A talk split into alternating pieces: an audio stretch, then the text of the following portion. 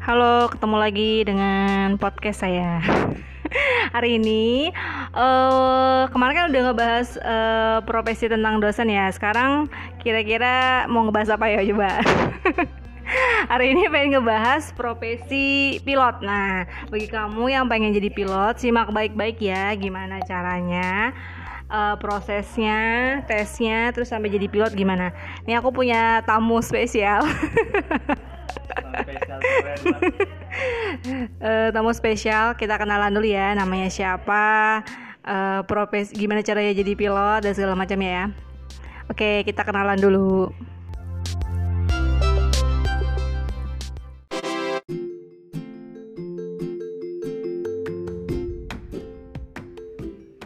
Assalamualaikum warahmatullahi wabarakatuh. Nama saya Firman Siregar bisa dipanggil Bang Firman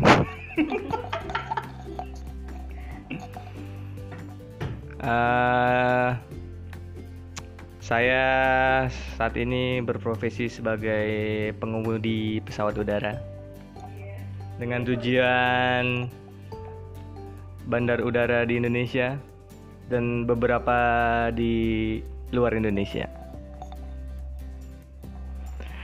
Awalnya sekolahnya itu di mana? Di Curug STPI Curug tahun 2012 mengikuti tes di tahun 2011 dan memasuki pendidikan di Februari 2012 tesnya yang saya lalui itu yang pasti pertama tes administrasi. Di Curug itu kalau nggak salah ya singkat saya itu singkat gue deh singkat gue biar biar asik gitu.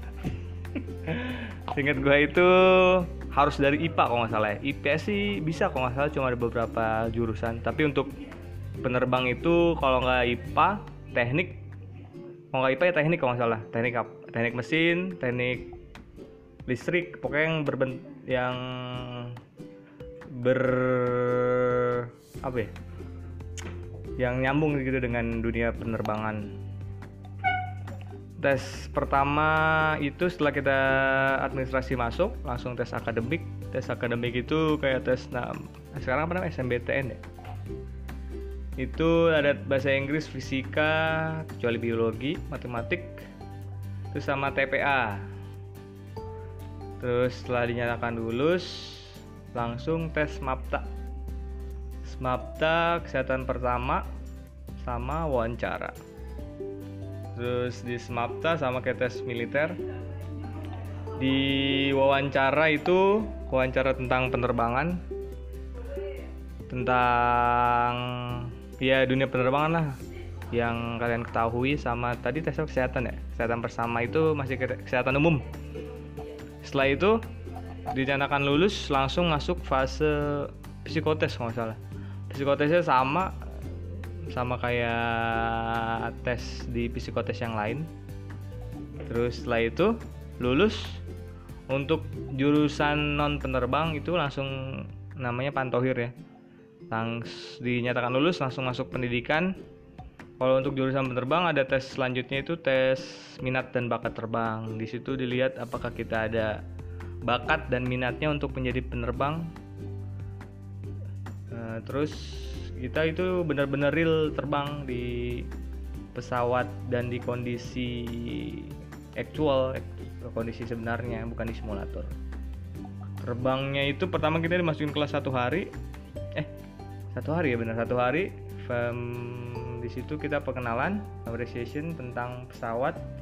Di situ kita dikenalkan dengan basic T basic instrument basic flight di ya pengenalan lah. Setelah itu masuklah masuk. Tes tes terbangnya ada tiga tiga, ter, tiga kali terbang. Satu dua tiga ya yang ketiga itu cek. Itu sih sebenarnya masih normal-normal aja cuma kita lihat ada bakatnya kan untuk apa?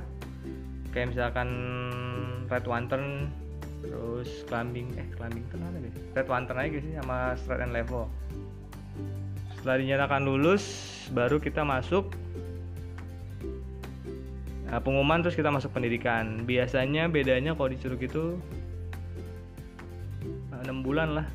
Jadi biasanya kan masuk ke kampus sama sekolah itu pertengahan ya? Tengah bulan lah. Nah kalau di khusus penerbang itu biasanya masuk pendidikan tuh di awal bulan.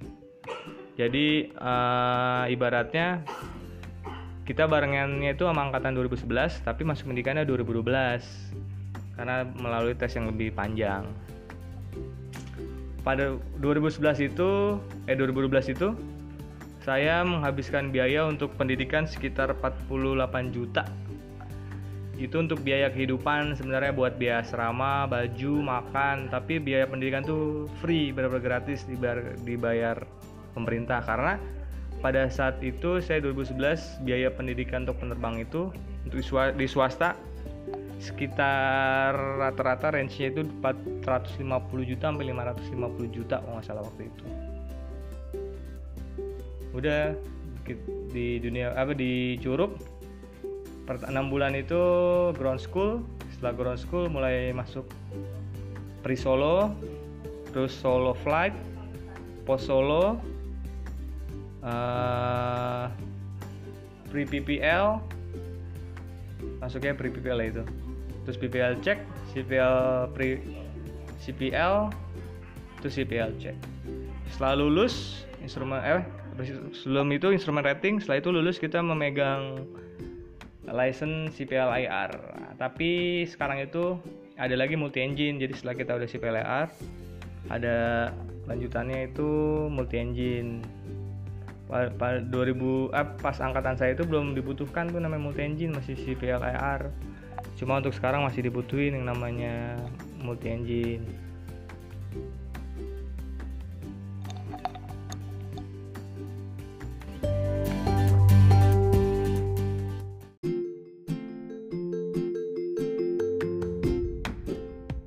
Nah setelah itu lulus di Curug itu dulu emang ikatan dinas jadi kita setelah lulus disalurkan ke beberapa perusahaan dibagi-bagi lah. Cuma pas di angkatan saya itu karena kondisi negara, kondisi ya banyaklah yang menyebabkan setelah lulus itu diberi kebebasan untuk mencari pekerjaan masing-masing. Tetapi Curug masih tetap memberikan referensi atau mem, tidak maksudnya nggak melepas begitu aja masih kayak mengasih memberikan pendidikan pendidikan lanjutan seperti uh, eh, ATPL Frozen uh, dan lain-lain. Nah setelah itu kebetulan saya mendapatkan uh, simulator 737 NG yang diberikan oleh sekolah diambil untuk 10 orang dan melakukan pendidikan di sana. Selalu dari ibarat itu mungkin beasiswa kali ya, beasiswa uh, untuk uh, rating 737. Jadi sebenarnya setelah kita lulus itu dari flying school itu kita masih belum ibaratnya jadi hanya pilot. Pilot apa ya? Bukan pilot maksudnya masih ya license bodong lah. Kita belum di belum ada ratingnya. Maksudnya untuk kan sebenarnya udah ada sih ratingnya kayak misalnya Cessna atau Piper Warrior atau yang ber, berpenumpang 4 orang tapi kan itu tidak dipakai untuk dunia komersil.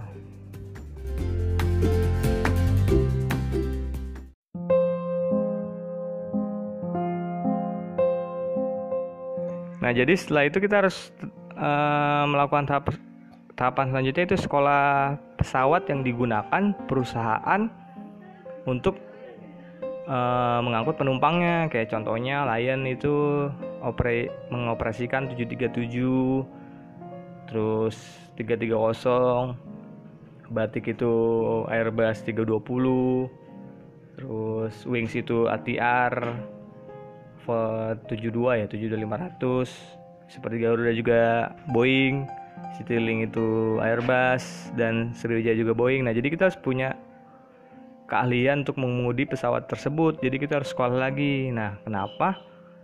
Setelah lulus dari flying school banyak pengangguran yaitu salah satu sih sebenarnya bukan tidak ada lapangan pekerjaan tetapi tahapan untuk masuk atau tahapan untuk kita mendapatkan sertifikasi atau keahlian mengen mengendarai atau mengemudi pesawat tersebut itu tempatnya itu terbatas. Otomatis orang yang sekolah atau menjalankan training di situ juga terbatas. Ibaratnya ya ngantri lah ngantri ngantri. Nggak semuanya jadi bisa disekolahkan. Karena jumlah uh, lulusan flying school itu lebih besar daripada uh, apa ya tempat ya atau uh, ya tempat lah ya atau ini si alatnya trans simulatornya itu sedikit. Ya jadi otomatis uh, banyak pengangguran penganggurannya jadi lebih banyak lah dibandingkan yang dapat kesempatan untuk mendapatkan uh, apa namanya rating tersebut. Kebetulan saya dapatkan beasiswa untuk rating 737 NG setelah saya lulus saya di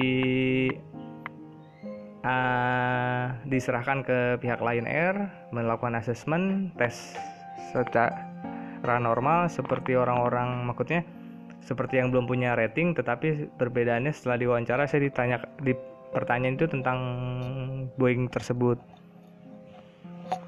Terus setelah itu lulus masuk Lion Air kita mendapatkan ID number menjadi pegawai untuk melakukan training 737 seperti mandatory dan lain-lain. Karena setiap perusahaan tuh punya silabus training yang berbeda. Jadi makanya setelah saya masuk Lion saya di training lagi dan melakukan simulator 4 sesi. Sebenarnya sih kalau secara normal tuh sesinya banyak simulator tuh ada 5 5 mungkin ada 20 sesi kali ya. 20 session simulator. Itu pakai FFS atau FTD atau APT karena saya sudah melakukan fase tersebut di Curug akhirnya saya hanya mendapatkan 4 sesi di situ 4 sesi simulator. Setelah itu saya touch and go. Setelah touch and go mulailah line training. Jadi dari line training lagi itu setelah line training qualified udah baru itu terbang normal lah. Tapi setiap 6 bulan kita masih ada namanya simulator. Jadi proses jadi penerbang itu panjang. Nggak semudah apa ya nggak seenak lihatnya lah. Sebenarnya panjang prosesnya dan tiap bulan juga ada simulator. Terus untuk saat ini sih kad apa ya yang benar-benar mungkin yang masih benar-benar free mungkin di militer kali ya untuk sekolah penerbang mungkin itu aja deh yang bisa gue sharing mungkin lebih lanjutnya nanti kalau ada waktu dan tempat. Makasih.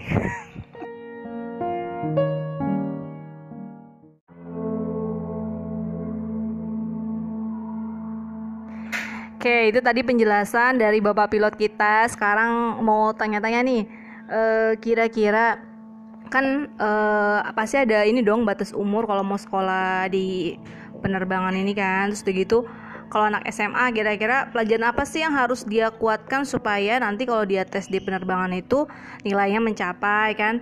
Yang pasti kan kalau bahasa Inggris kan wajib kan terus TOEFL harus berapa pelajaran apa yang kira-kira uh, penting banget diperluin sama uh, seorang pilot atau penerbang gitu. Coba uh, sama Bang Firman dijelaskan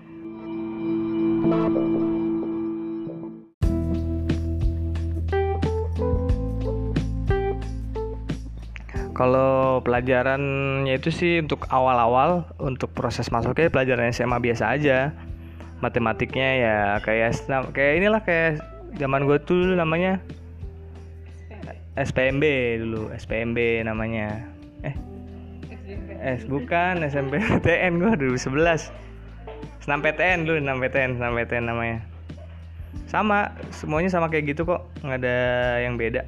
Pelajaran normal fisika juga matematik juga sama. Nanti untuk masalah aviasinya setelah di dalam. Cuma kalau emang udah tahu ya nggak apa-apa. Terus kalau masalah umur 23 kalau masalah di Curug itu ya. Kalau di swasta itu 30 tahun. Begitu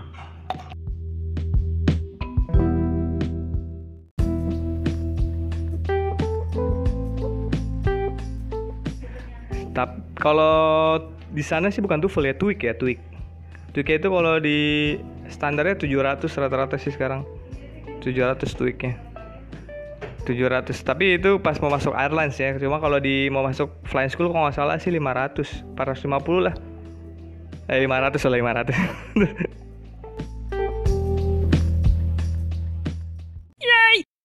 pesan-pesan yang mau sekolah pilot ya belajar dan uh, persiapannya itu belajar.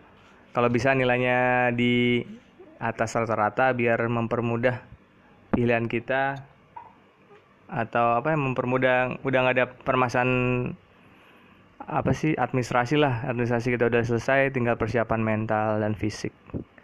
Intinya adalah belajar dan berdoa.